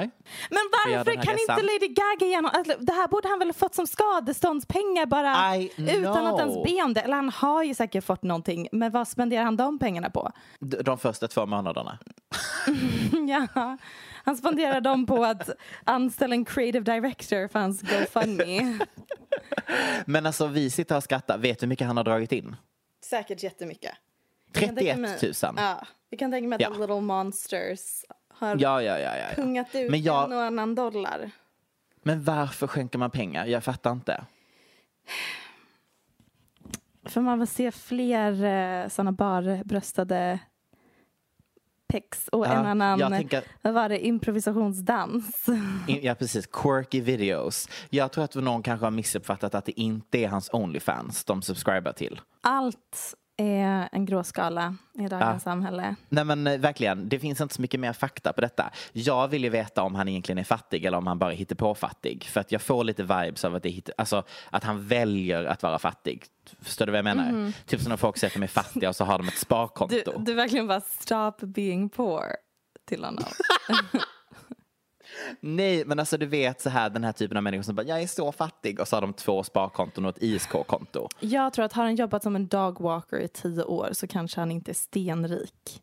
Du tror inte att han typ så här snittar en ehm, vad heter den här uh, människotjänsten de har i Amerika där du köper, att folk köper saker till dig på affären som alla YouTubers använder? Eh, Postmates. Postmates, ja. Ja, jag tror inte att han liksom är på en postmate-rate när du är the Nej, dog nej. walker of Lady Gaga. Nej, men jag tror liksom inte att han har så här eh, läkarlön. Här om dagen skulle jag lyssna på en podd som jag brukar lyssna på ibland. Men när jag tryckte på play på det senaste avsnittet möttes jag av en prolog om att ehm, redaktionen har blivit cancelled. Oj! Och podden hette Paparazzi. Skojar. Ett litet skämt. Jag flikar in. Det, nej, det är inte hänt än. Prisa gudarna. Podden hette Reply All och handlar om att de typ löser teknik och internetrelaterade mysterium. Jag blev... Förlåt, brukar du lyssna på den podden? Max, jag lyssnar på allt. Men, och den är väldigt, alltså det är den snubbigaste podden. Typ det senaste Det avsnittet jättesnubbigt jag lyssnade på handlar om att um, en man ringde in till redaktionen för att han konsumerar massa, massa poddar och så finns det en podd som gör att hans radion på hans bil kraschar. Och då går de in så här, kontaktar massa coders och kontaktar the coders som har producerat bilen och de som har gjort just den specifika podden och så tar de reda på vad problemet är i koden till just den podden. Jag, jag tror det eller ej så är det lite intressant. Men just, ehm, jag blev väldigt förvånad att just den här podden hade blivit cancelled. För att den är som ni hör väldigt vanilla, nördig. Ja. Eh, men tydligen så handlade deras sista avsnitt om, eh, det var ett reportage om matlagningstidningen Bon Appetit som tydligen också blivit cancelled. Ja, men det var ju för de hade världens bästa eh, webbserie. Eh, där typ basically alla var vita och så vidare. Ja, inte bara. Yes. Alltså, deras webbserie Nej, nej, nej. var kanske det som eh, verkligen var spiken i it kistan. Men det var ju, de blev cancelled under Black Lives Matters tillsammans med typ Mm. Vogue och Condé Nast i allmänhet. Andra mediehus som Refinery 29, Man Repeller, några andra. Eh, och det var just för att de blev called out på Twitter på grund av toxic arbetsmiljöer för framför allt eh, minoriteter. Det är, minorite- det är få minoriteter som var anställda. Mm. Så den här podden, Reply All, gjorde ett reportage om den rasistiska och toxiska arbetsmiljön på Bon Appetit och då tweetade någon något i stil med att det är ironiskt att eh, Reply All som är del av Gimlet gör det här reportaget eftersom deras redaktion är väldigt toxisk också. Mm. Det hela slutade med att flera personer fick avgå.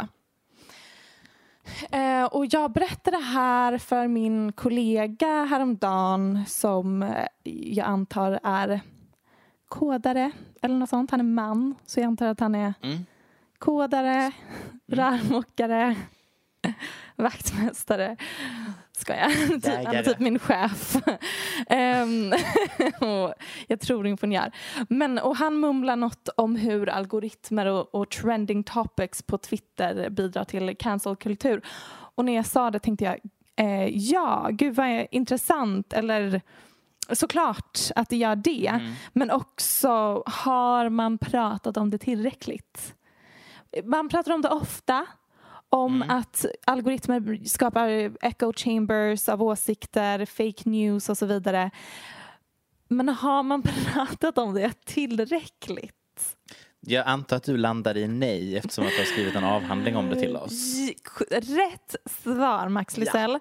Ja. Ehm, nej men det, det vi inte har pratat om tillräckligt när det kommer till algoritmer tycker jag är hur stor påverkan de har på ett ord som jag har börjat överanvända för att det är så fånigt, men på vår kanon, alltså Mm. saker som skrivs in i historien. För om man tittar på TikTok till exempel som är e- e- ett socialt medie som är ännu mer algoritmbaserat än andra sociala medier. För de som inte använder TikTok så funkar det så att det flöde man tittar på mest består av videor som är skräddarsydda eh, av din algoritm och TikTok har valt ut dem just för dig. Och det är ofta en kombination av pe- personer du följer men också mycket saker som trendar, saker som TikTok räknat ut att du kommer gilla medan på Instagram kollar man ju mest bara på dem man själv valt att följa. Det finns en discovery page som jag tillbringar alldeles för mycket tid på. Vad består din discovery page av? Nej, men min Discovery Page mår piss. Eh, den består av nakna män och Sovjethus. Nakna män och arkitektur. Ja, men specifikt brutalism. Min består av väldigt mycket K-pop-tjejer och eh, Beyoncé och Rihanna. Och sen bara så här, jättekonstiga saker. Här dök, det är verkligen bara olika kvinnliga kändisar. Ja, så jag skulle vilja säga att den algoritmen inte är jättebra. Eh, men den har också inte så Vadå, mycket det, det, där, det sammanfattar verkligen våra personligheter rakt av. För mig, kvinnliga Nakna män. kändisar, dig, nakna män och arkitektur. Eller? Ja. det är väl Okej då. våra, våra enda personlighetsdrag. Åter till TikTok. Ja. De är ju också väldigt mycket hårdare mm, censurerande än andra appar. Antar att det är för att den ska kunna laddas ner av yngre personer på App Store. Mm. Så därför ser man ofta TikToks där de aldrig skriver em, ordet sex till exempel. Nej, precis. De använder en trea istället för e för att Mm. komma Så runt kreativa. algoritmen. Andra ord som är bannade är eh, typ cigarett, dead eller thick har till och med blivit banned. Suicide. Suicide, nej men jag tror till och med gay är banned som ord. Så, Alltså TikTok ehm, censurering är ju ett ämne i sig men det formar ju i och med att TikTok påverkar kulturen jättemycket så har ju TikTok censureringar jätte mycket makt egentligen. Gud ja. Men nu kanske ni undrar om ens TikTok-flöde består av videos som har valts ut till mig specifikt vad visas i appen om man är ny användare? När de inte Oh, har någonting hemsk. att gå efter. Och det är här uttrycket straight talk kommer in. Ja. Det är alltså basic, generiska videos som inte provocerar, som inte sticker ut eller är konstiga. Och det är många som menar att det är tack vare straight TikTok-algoritmen som Charlie D'Amelio och Addison Ray fått flest följare på appen. För att deras innehåll var mest kompatibelt med eh, straight TikTok och har därför blivit utvalda att hamna på allas landningssida när de skaffar appen.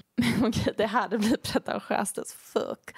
Eh, men, så det, det jag tänker på när jag ser de här TikTok-algoritmerna och hur stor påverkan de har på vem som blir känd och vem som eh, inte blir känd är att de blir nästan som konsthistoriker. Um, de, om man, de mest kända, eller de första, är Vasari och Winkelmann. Eh, för att om man undrar hur det kommer sig att just Leonardo eller Michelangelo är så hyllade är det för att de locked out och var eh, Vasaris favvisar, vilket, gud vad fånigt att använda ordet favvisar, favoriter, vilket ledde till att de skrevs in i den första konsthistoriska boken. Eh, och det finns liksom verkligen inget speciellt med eh, Davidstatyn utan det är bara för att Vasari och konsthistoriker efter honom hypade Michelangelo typ. Och för mig är det här typ det mitt intresse för kändiskultur grundar sig i. Varför vilka personer blir kända, Eh, vad är det för strukturer som gör att vissa skrivs in i historien och andra glöms bort? Är all PR verkligen bra PR och i så fall varför? Och ett jättefånigt exempel från konstvärlden är att ehm, det finns typ en myt som man får lära eller man refererar inte till det som en myt utan man refererar till det som att så här är det. Att om man, eh, när man går på museum och ser en tavla av Rothko så börjar man gråta om man till, stirrar på det tillräckligt länge. Det är han som målar stora abstrakta fyrkanter, lager på lager. Um, och det här är en myt som alla konsthistoriker tror på. Att Rothko kanaliserade så många lager känslor i varje skikt färg att om man stirrar på verket tillräckligt länge börjar rutorna vibrera och man börjar själv gråta. Let me tell you, det är så... That sounds like stupid ass bullshit. Shit, shit, stupid. Det är så speciellt att gå på museum och titta på Rothko-tavlor med ett gäng eh, så här, unga konsthistoriestudenter som alla Som tävlar. Ja, alla tävlar om vem som kan producera tårar först för att hävda sin finkulturella identitet. Eh, hur som helst. Började du gråta? Eh, gud, alltså jag har verkligen stirrat på alla och bara starka sekt-vibes up in this museum. Eh, för mig var det typ en besvikelse att ju mer jag lärde mig om konst desto mer insåg jag att det verk som blivit kända verkligen bara handlar om vem som har blivit favoriserad av de som skrivit historien och typ PR-trick, både planerade och oplanerade. Typ att Mona Lisa-tavlan blev stulen så den skrevs jättemycket om i tidningen och därmed blev den jättekänd och nu tror alla att den är um, jättemycket mer speciell än all annan konst. Och sen har det också med ekonomi och så här. Det är ju aktier mer eller mindre nu för tiden. Men ehm, så nu när jag tänker på hur algoritmer och sociala medier streamlinar vem som blir känd eller vilka samtalsämnen som blir eh, virala så känner jag mig lurad igen. Är eh, Charlie D'Amelio vår tids Da Vinci och Addison Ray vår tids Michelangelo? Är det så? Um, Nej, det är det inte. Är Tack. Billie Eilish vår tids Rothko? Mm. Nej, jag kommer nog få säga nej här. Det är ett nej. Det blir ett nej. Ah, I thought I was on to something here. He- Nej men alltså jag tycker det är jätteintressant och jag fattar, eller det, det är ju väldigt, alltså du har ju en poäng. Thank you. Kanske är just det som är det som händer men eftersom att det då är en AI så har den kanske inte riktigt brytt sig om så mycket om vad det är för något specifikt kom. Alltså jag tänker så här. Mona Lisa var ändå Mona Lisa och sen så var det en bra PR-kupp på det. Eller så här. Det var ändå en konstvetare som tyckte att någon gjorde någonting bra. Och här är liksom en AI som bara, den här tjejen dansar så icke sensuellt som det är möjligt. Så därför kan vi ha den på den här barnappen. Ja, men det är ändå personer som ligger bakom algoritmerna på TikTok. Så att det kanske snarare är de som är vår tids bizarries. Det finns få män, Michelle, mm. Som är sådär universellt snygga. Du vet, oavsett smak mm. så tycker folk att personen är sexig. Inklusive typ straighta killar om det rör sig om en snubbe. Um, eller bögar om det är tjejer. Och spontant om jag pratar om snygga män som är så universellt snygga så tänker jag James Dean. Wow. Uh, mm. Alla kan mm. enas kring att James Dean mm. hade mm-hmm. liksom mm det där, det där mm, extra. Mm. Oavsett vad du egentligen går hem med mm. Så kan alla enas kring att James Dean, snygg. Ja. Sällan producerar Hollywood sådana hunkar numera. Men ibland lyckas de. Och Army Hammer, nej men Army Hammer är ju vår samtids James Dean snygghetsmässigt.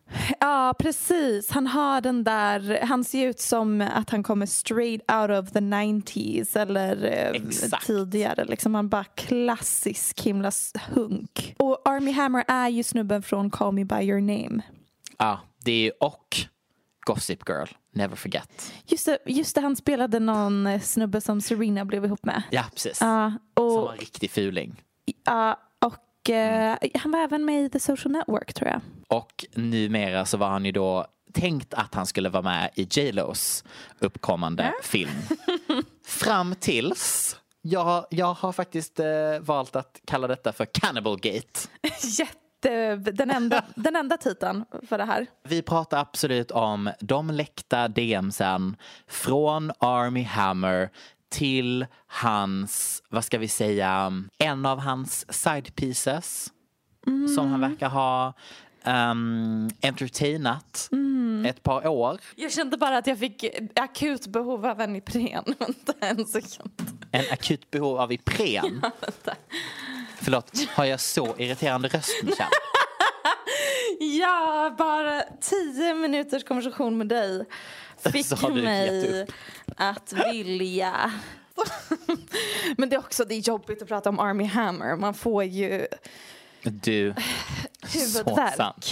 För att spola tillbaka bandet lite så pratade vi ju förra året om när hans DMs läckte med en annan dominatrix-tjej, mm. en rysk tjej, som han träffade när han var och spelade in en film i Ryssland. Mm. Hon valde att läcka DMs som då eh, helt enkelt användes i någon form av Army Hammer har varit otrogen storyline. Precis. Och du Precis. fick kontakt med den här kvinnan. Det är så himla sjukt. Det fick jag. Jag hörde av mig till henne. Då fick jag ett videoklipp skickat till mig. Där hon helt enkelt bevis, alltså för jag bara säger är detta sant, har detta hänt? Fick videoklippsbevis på när hon går in på Instagram. Precis, hon öppnar upp chatten. Vad heter det? Screen recording. Sen kan man alltid så här, sure hon kan ha hittat på det här, hon kan ha fejkat det här, men ja.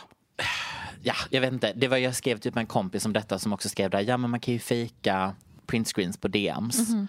Och då ställer jag motfrågan, men vad har de här kvinnorna att vinna på detta? Ett av Armys ex skrev eh, på Twitter um, om ni fortfarande inte tror på alla läckta DMs från Army så tycker jag att du ska ifrågasätta varför vi ger um, vad heter det, misshandlaren the benefit mm. of the doubt istället för Exakt. offren. Varför vi lever i en kultur som gör så, vilket ändå säger någonting att Mm. Det är hans egna ex som skriver så. Nej men verkligen. Det är klart att man ska vara källkritisk åt, men Absolut. att man ska vara det... lika källkritisk åt båda hållen. Att vi inte ja. bara blir superkällkritiska för Armys skull utan... Nej men precis. Och nu kanske vi har ramlat lite här så att jag ska bara styra upp det här. Mm. Det är alltså att en person som har varit i kontakt med Army Hammer under längre tid har valt att lägga ut alla DMs på sin Instagram story. Mm. Sen har det plockats upp av till exempel vårt numera varje avsnitt citerade De Moi. Oui. Det resulterade i att den här personen som valde att berätta om sin upplevelse med Army Hammer fick en massa andra DMs skickade till sig från andra tjejer som då också hade varit i kontakt med Army vilket då på något sätt började liksom teckna upp en karta av att okej okay, vi har först den här väldigt säkra källan förra året, vi har den här andra säkra källan och nu börjar den, den säkra källan få andra berättelser skickade till sig. Det blir väldigt mycket. Då mitt i allt detta så var det en som skickade in fake DMs mm. till henne. Vilket då också snabbt plockades upp av Demois. Vilket då på något sätt i typ ett dygn fick alla att tro att hela grejen var fake. Mm. Och då var hon ju tvungen att dessvärre då bevisa sig själv igen. Och valde då att lägga upp videobevis mm. på alla meddelanden som hon har från Army. Ovanpå detta har hon även styrkt att hon har varit i kontakt med honom med att lägga upp bilder som han har skickat till henne. Mm. På sig själv där han tar strypgrepp om sig själv. Mm. Och eh, en annan bild där han är med sitt barn. Mm. Vilket är... Inte konstigt att han fick um, det. Men, ja. Ja, den är, den, den är... Jag vet i och för sig inte kontexten. Men kanske prata om något helt vanligt just den gången. Nej, men det är det, nej, det är det jag menar. Jag tror att hon försöker visa att de har haft en vanlig relation också. Mm. De har inte bara pratat om att det är ju det. Han vill ju skära upp bitar och äta. Han skriver så här i ett meddelande. I am 100% accountable. I want to eat you. I've cut the heart out of, out of a living animal before and eaten it still warm. Och sen så kom det ju uppföljar-DMs från det där han be beskriver att han var ute med sina vänner, sköt ett rådjur. Um, åt, ja, ja, ja, ja, åt hjärtat, de andra spydde men han svalde hela biten och älskade det. Okej, men då kommer ju den stora frågan. Tänk om det där är total fiktion. Att han ja. tycker att det, det där är sexting enligt honom. Eller, ja. det, är så, det är så sjukt att liksom placera det här in i samma kategori som sex men here we are. Um, ja. Men att han faktiskt inte skulle vilja, alltså, han hade aldrig faktiskt ätit ett rådjurshjärta. Förutom att han skriver att det var det han hade gjort. Jo men precis, att han skriver det. Han, han mm. blir kåt av att skriva eller föreställa det men han hade aldrig gjort det IRL. Vart går gränsen? Fast sen hade han också tittat på den här dokumentären på Netflix om folk som utnyttjade katter. Ja, ah, vad heter det? I will... Va? We, we are... We, we kill cats. Nej, we, den hette något helt annat Max. den, hette, den hette inte alls det. Vänta, Netflix cats. We love... We Nej, den hette Don't fuck, Don't fuck with cats. Hunting an internet killer. Som handlar om en eh, tant på internet som eh, torterade katter och så handlar det om det om hur de försöker hitta vem det är som lägger upp det här. Mm. Eh, faktiskt, den var faktiskt väldigt bra. Då skrev han att han hade tittat på den att han blev kåt på vissa scener. Uh, Gud vad obehagligt! Michelle, Michelle, har du, alltså har jag, har vi inte pratat om DMsen som jag har sparat? Nej, nej det har vi inte. Vi... Förlåt. Gud. Förlåt. Låt mig bara ta upp lite. Nej men alltså att, nej men han är ju, det jag tänker mig att om han blev kåt av de scenerna så kommer det snart komma fram att han liksom på riktigt också är a serial kannibal. killer. Nej, Nej men, men inte ens kannibal. Alltså han, han, han ligger bakom x antal mord. Oj, oj, oj vad det här är förtal. Men jag bara ja. säger, det, det, är min känsla och ingenting som vi, det Nej, finns alltså, något bevis på. Michelle, citat. Mm. If you were next to me I'd give you the tiniest cut and then fall back asleep sucking on it. Just a little trinkle of your blood, the taste of you the taste of your iron and minerals soothing me to sleep. Um, I want to see your brain, your blood, your organs, every part of you. I would definitely bite it 100% or try to fuck it. Not sure which. Probably both. If I fucked you into a vegetative state, I'd keep you, feed you, wash you, and keep fucking you till you are so sore and broken. Jag är i chocktillstånd! Nej men alltså, I know. But I can't stop thinking of fucking your actual brain. Okej. Okay. Undrar om man tänker så här, um, fucking your brain är så här ett sätt att uttrycka att han ja. älskar personens tankar. Ja, eller så här, jag har absolut, absolut sextat och alltså använt engelska meningen fuck your brains out. Just, Men ja, det är det, det, ett annat. Ja, helt annat slags uttryck. Annat kontext. Därför grejen att inom BDSM-communityt Ja. så är det ju väldigt mycket så att vissa, I guess, gillar det här. Ehm, Men att det handlar ändå väldigt mycket om samtycke. Att man innan man eh, ingår i någon slags BDSM situation så ger man samtycke till att personen får ge en blåmärken och bitmärken och så. Så det, Och det har hon, så som jag har förstått Mm. med den, det understryker hon ju att det har ju varit consensual. till en början har jag till en början. Mm. Exakt. Så att hon har ju, alltså när hon gav sig in i detta och under en lång tid i början så har det varit mutual. Mm. Men att sen har hon uppfattat det som att hon har ju blivit psykiskt manipulerad Mm. och brutits ned. Det- Hon har också lagt ut meddelanden där han pratar om sin fru, hur han ska lämna. Mm. Han lämnar skilde barn. ju sig Alltså, ganska nyligen. ja just det, den lilla detaljen. typ höstas va? Ehm, ja. Eh, och det ryktades om vad anledningen var och sen så har jag hört om det var via Dumois eller lite olika ställen att eh, många säger att efter skilsmässan, att han alltid varit så här och även i någon intervju med GQ, han bara jag han brukar älska sex." BDSM Mm. men eh, när jag träffade min fru så förändrades allt eh, för att man når en punkt och man bara jag respekterar dig för mycket för att göra Ja. något sånt här och man bara uh, Han sa, han sa att. Nej men alltså han sa att normalt när han håller på med sex så tycker han om att dra i håret och skapa blåmärken Mm. och stryptag. Men att när han respekterar personen framför sig, Det gör. Uh, uh, vilket gör hela situationen värre. ännu värre. Precis, sådana saker har han sagt innan och också innan dess så kunde man ju se på Twitter att han har gillat Mm. massa BDSM-relaterade tweets och grejer. Eh, ja, för ja. på Twitter kun, kan man ju se vad folk har gillat, vilket folk skämtar om. Bara, haha, Army verkar inte fatta hur Twitter funkar. Men nu kommer Mm. det fram att han verkar bry sig väldigt lite om... Han skryter nästan om det nu tydligen till sina Ah. vänner. Och de är oroliga. Och det hänger ihop med videoklippet som alltså då läckte igår. Där han alltså då sitter i en bil och slickar meth. Tror Allegedly. Du? Ja, du vet inte om det är meth, men det är no- några slags vita kristaller som har Det är kristaller. någons hands, Det hand. är kristaller. Ser ut som, ja. Ja.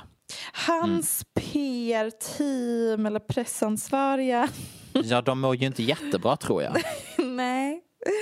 Och det är ju detta som då har lett till att han alltså nu och det här är också kul. Han har då valt att inte vilja kommentera anklagelserna men har alltså valt att hoppa av filmningen av J Los nya film därför att han tycker att när den här typen av konversation sker så är det oansvarigt att lämna barnen för att åka fyra veckor till Dominikanska Ja, precis. republiken. När det drevas mot honom vill han inte lämna Ja. sina barn i flera månader. Um, vilket är man bara så här väntat på att han ska uttala sig. Men jag tänker att hans strategi är bara inte uttala sig om det här alls.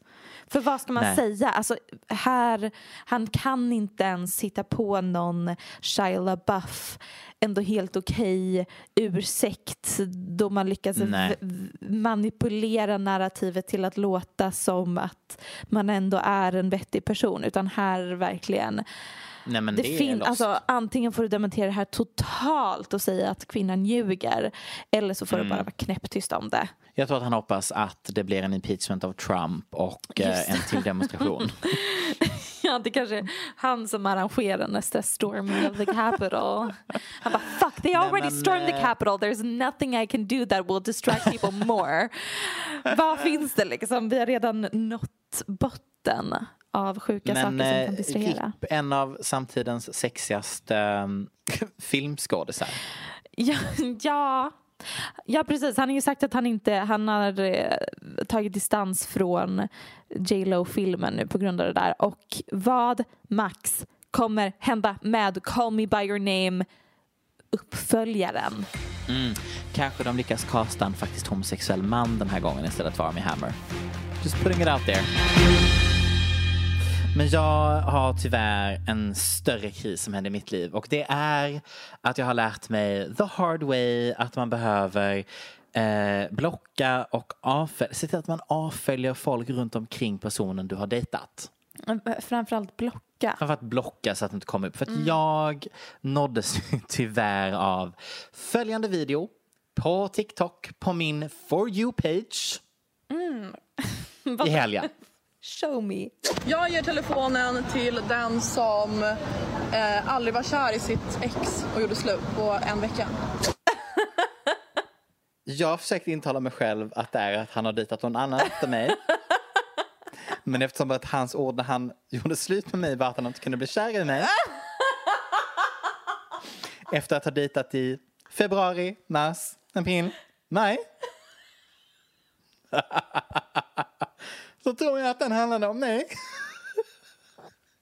Unfortunately. Jag bryr mig inte om någon fucking regeringskris för att mitt emotionella liv är i kris, Michelle.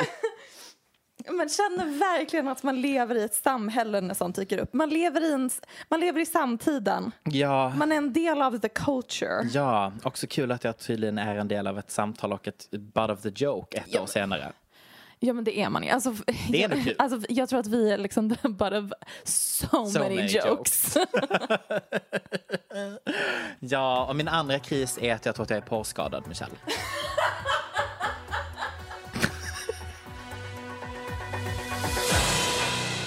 Den australiensiska rapparen Don't, don't make me sing. Nej. Nej. Nej, nej, nej, nej, nej, nej, nej, nej, nej, nej, nej, nej, nej, nej, nej, nej, nej, den här gången så kommer jag prata över hela detta. För där går gränsen idag. Jag skojar. Nej, men den australiensiska rapparen känd bland annat från låten Work. Ja. Um, har eh, i en TikTok lagt upp skärmdumpar från meddelanden hon har fått på Instagram från kända personer och det kan man se för att de är verifierade på Instagram och för att man ser antal följare och det är liksom personer med miljontals Instagram-följare. Hon har suddat okay. ut namnet men man ser ju fortfarande antal posts, inlägg mm -hmm. och antal följare de har. Och att de är verifierade. Så stoff för att vara nördiga? Precis, precis. Um, ja, stoff för uh, folk på internet att ja, precis. nörda in sig och, och, räkna ut vilka de här DMsen är ifrån. Men hon liksom har lagt upp en TikTok där hon dansar framför det till hennes senaste låt, whatever. Har du sett TikToken? Jag tror att den här har flashat förbi. Ja, om jag ska vara ärlig. Kan inte du gå in på TikTok, kolla på den, försöka läsa upp några DMs som du mm -hmm. ser ungefär. We are clearly making me work right now. To quote Iggy Azalea. I am outsourcing the creative work to someone else. Älskar för övrigt henne på TikTok. Ja, hon är rolig. Hon, hon okay. gör sin grej, verkligen. Oj, det går snabbt här. När ska jag börja läsa? Du får ju pausa lite och försöka läsa Nej, men nu har jag pausat. Hon dansar ju framför texten så man ser ju inte Jo, men här, här kan jag ändå se lite. Uh, eh, 8,9 miljoner följare, 12k posts. Oj, de har varit aktiva. I know you got money and it don't excite you, but I know your time is valuable, so I'll pay you for your time. I'll give you 15k, sen står hon i vägen. Speak to me and have någonting conversation. Just to speak to me and have a conversation. Tack. Over the phone och någonting. I'll cash app. Okay. I'll cash app the money to you. 15 000 dollar bara för att prata med honom. I'd take oh, it. Det var en video som var blurred som tillhörde den. Per ja. Oh. I'd still, still do it for 15k. You dream baby. Hey beautiful. You're, you're my dream baby. Står det på den. Okej. Okay. Eh, vad fint att du outsourcat jobbet till mig när du redan har skrivit ner allt. Max, det är värre, jag har memorerat dem utan till. Jag sitter och reciterar dem från mitt huvud just nu. That's dark. Tack för um, jättebra jobb. Vill du veta Tack. vilka personerna bakom dessa DMs är? Ja men snälla rara, berätta för mig. Så, vi har första DMet här. Den om att han betalar 15 000 dollar bara för att prata med henne. Mm -hmm. DJen Steve Aoki. Ah. Hur mår vi? Gud, vänta. Alltså har du sett den här att han kommer från en jätterik familj? Nej, men det Alltså han är typ så här, liksom verkligen, mm, dive till en annan gång. Men ehm, wow, Hans okej. syster är ju typ den vackraste personen i världen. Ja. Vad heter hon? Eh, Devon Aoki. Så himla snygg. Men um, ja, så Steve Aoki, nu är ju det här obekräftat och endast eh, saker som väldigt, folk med väldigt mycket tid har ägnat sig åt att söka upp människor. Men jag tänker det finns liksom inte så många personer som har miljontals följare på Instagram. Nej. Och den, det antalet Instagram-inlägg. Så många människor på, på planeten finns inte med 18 miljoner Instagram-följare. Ni fattar. Nej men precis. Vi har det här korta, short but sweet. You're my dream baby. Eller You're my dream baby. Oklart hur han vill att jag ska Mm. betona meddelandet. Brooklyn Beckham. Nej. Förmodligen innan han blev ihop med Nicola Peltz. Så jag tror inte Ja. att vi har ett scoop att han har varit otrogen här. Nej, also known as tiny tits. tiny Du och jag- nipples. Du och jag DMat mycket om hans nipples. Ja, it's true. It's true. Conversation we've had. Um, nej men bara väldigt roligt, eh, roligt att um, Iggy är hans dröm. Hans dröm. Ja, Dröm baby eller hans dröm baby. Oklart vad han... Ja. Tyvärr har jag bara tre. Alltså jag sörjer verkligen att, inte, att jag inte har svar. För att det hon visar i videon är ju massa DMs. Men än Ja. så länge har vi bara tre. Men snälla om någon hör det här och känner att de har väldigt mycket tid. Mm. Eh, snälla fortsätt att kolla upp det här. Fortsätt Men gräva. den tredje Mm. som är I want to kiss the inside of your butthole. Ah, Rakt på sak, verkligen. tydlig, väldigt konkret vad det är han vill Mm. åstadkomma med sitt DM. Mm. No time to waste. Det här DMet är från Travis Scott. Ooh. When worlds collide. Which makes sense. Det känns som att hon är verkligen samma typ av människa som liksom bara estetisk som Kylie Jenner. Och Ja. de säger att enligt många människor så har han gillat Iggys eh, inlägg ända sedan maj 2020. Då jag tror att Oj, vad, vad lång tid. då... Um, nej men det är typ, ja, jag vet inte, har något samband med då han och Kylie gjorde slut, slut eller något sånt. Okej. Jag har kollat på svenska powerkvinnor. Kan man få en reaktion eller? Vad kul att du har konsumerat konceptet eh, Från början. rika kvinnor i reality-format. Där man bjuds hem i deras hem och följer deras liv. Jag vet inte, som är har, du, oh, har du hört talas om Real Housewives? Oh, jag vet inte. Gud, alltså. It really rings a bell.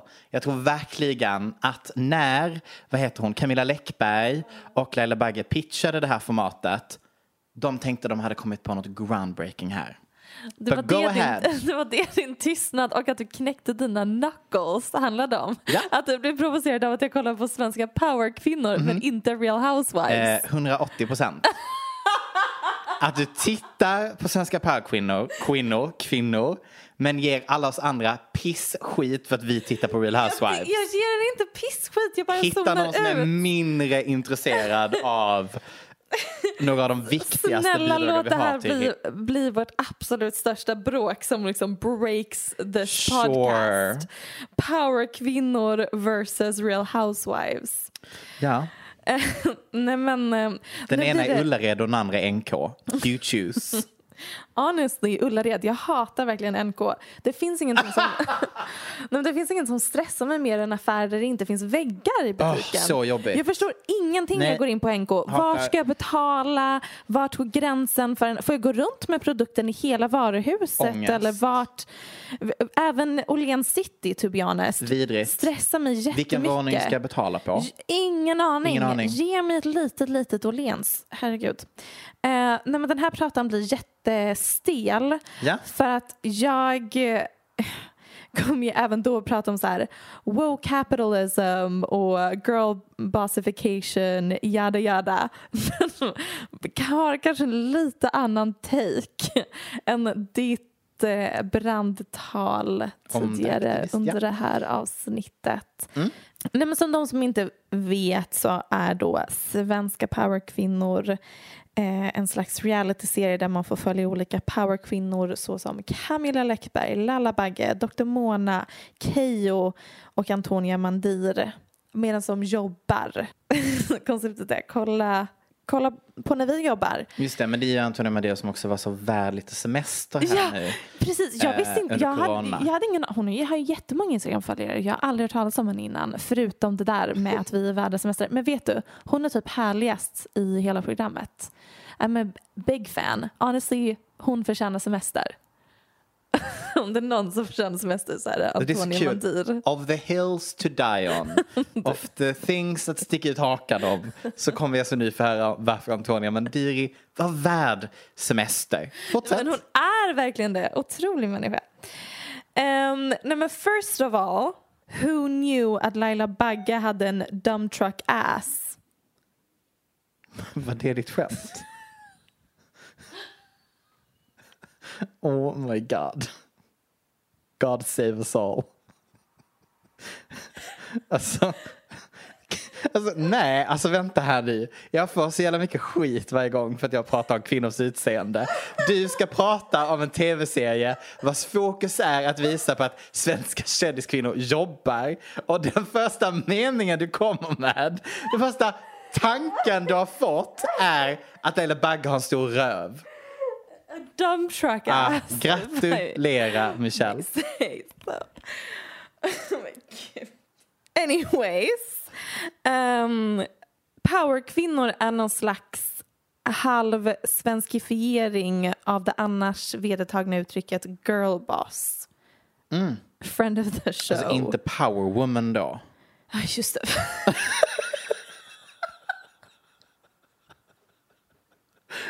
Jag tänker att... Jag tänker att... Igen.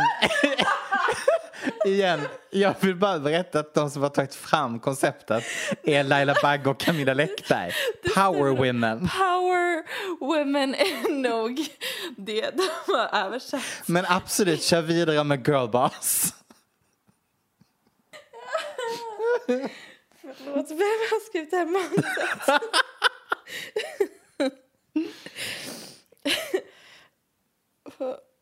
um, det blir jättekonstigt för jag kan inte fortsätta manuset. Okej, vi låtsas som att mycket riktigt Power Kingdom är en direkt översättning från Girlboss. Ja, Um, nej men girlboss är ett uttryck som myntades 2014 förlåt. Men det här är så jag, jag kul. Alltså det är omöjligt för mig att, ha, att prata färdigt om det här. För gonna make, gonna make any sense. Åh, försök. Nej, nej. Jag kommer inte, Börjar du gråta nu? jag kommer inte kunna köra från det här skrattet till så här seriöst prata. Så att jag tror typ att det här får bli min recension.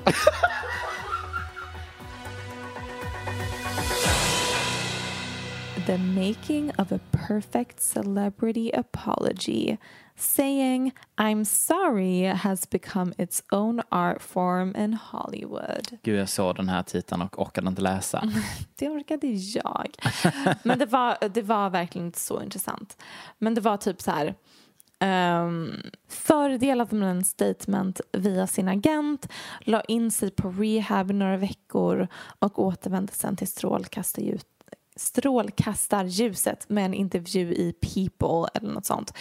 Idag fungerar det inte riktigt så längre. Idag kräver vi försoning i form av långa, sårbara notes app apologies.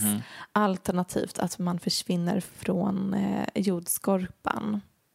Ett, ci- citat av en publicist som jag tyckte var intressant var dina advokater kommer vilja att du säger mycket mindre och dina PR-personer kommer vilja att du säger lite, lite mer bara så du får igång ett intressant narrativ. Confirms mm. everything we've ever said. Och sen hade jag tänkt så här, bla bla bla, jag har läst den här artikeln och nu har jag Uh, som de som följer mig på Instagram vet blev jag blockad av Bianca Ingrosso efter vårt senaste podcastavsnitt. Så du har skrivit ett förlåtbrev? Yes! Jag har applicerat kunskaperna som jag fick av den här Vice-artikeln på ett, ett apology letter till Bianca Ingrosso. Oh my god, läs. Ditt Chrissy Teigen mm. Notes okay. app apology. Jag kommer läsa det här. Är det på engelska? det är på svenska. Men de, jag ser här att de, de tre första meningarna är på engelska.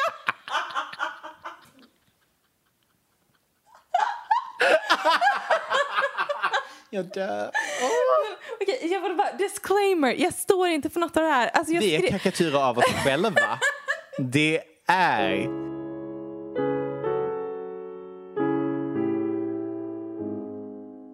Till Bianca Ingrosso. Thank you for blocking me. Literally, step on me queen. I feel honored. Men också tack för att du unblockar. Även om jag inte följer dig eh, för jag får ren och skär panik av hur snygg du är eh, så vill jag kunna staka dig ibland. Förlåt om du tog illa vid dig när jag sa att dina kampanjer är kopierade av Kardashians. Det var inte riktat mot dig som människa, det var riktat mot dig som personligt varumärke och den industri du har blivit ansiktet, ansiktet utåt eftersom du är bäst i, bäst i bransch. Ja. Alltså, jag skulle i allmänhet vilja tipsa dig om att skrika kvinnohat åt all kritik som riktas din väg. Nej men eh, tack för en underbar eh, stund med dig. Ditto. Tack så jättemycket till alla som lyssnar. Ja, men våra outron är ju alltid det starkaste segmentet vi har. Bla, bla, bla, bla, bla. Uh... Kan inte det vara vår number one brand? Att vi har extremt svaga outron. 100 procent. Så tack för oss. Du har lyssnat på en podcast från Aftonbladet. Ansvarig utgivare är Lena K Samuelsson. Even when we're on a budget we still deserve nice things. Quince is a place to scoop up stunning high-end goods for 50 to 80% less than similar brands. They have buttery soft cashmere sweaters starting at $50, luxurious Italian leather bags, and so much more. Plus, Quince only works with factories that use safe, ethical, and responsible manufacturing. Get the high-end goods you'll love without the high price tag with Quince. Go to quince.com/style for free shipping and 365-day returns.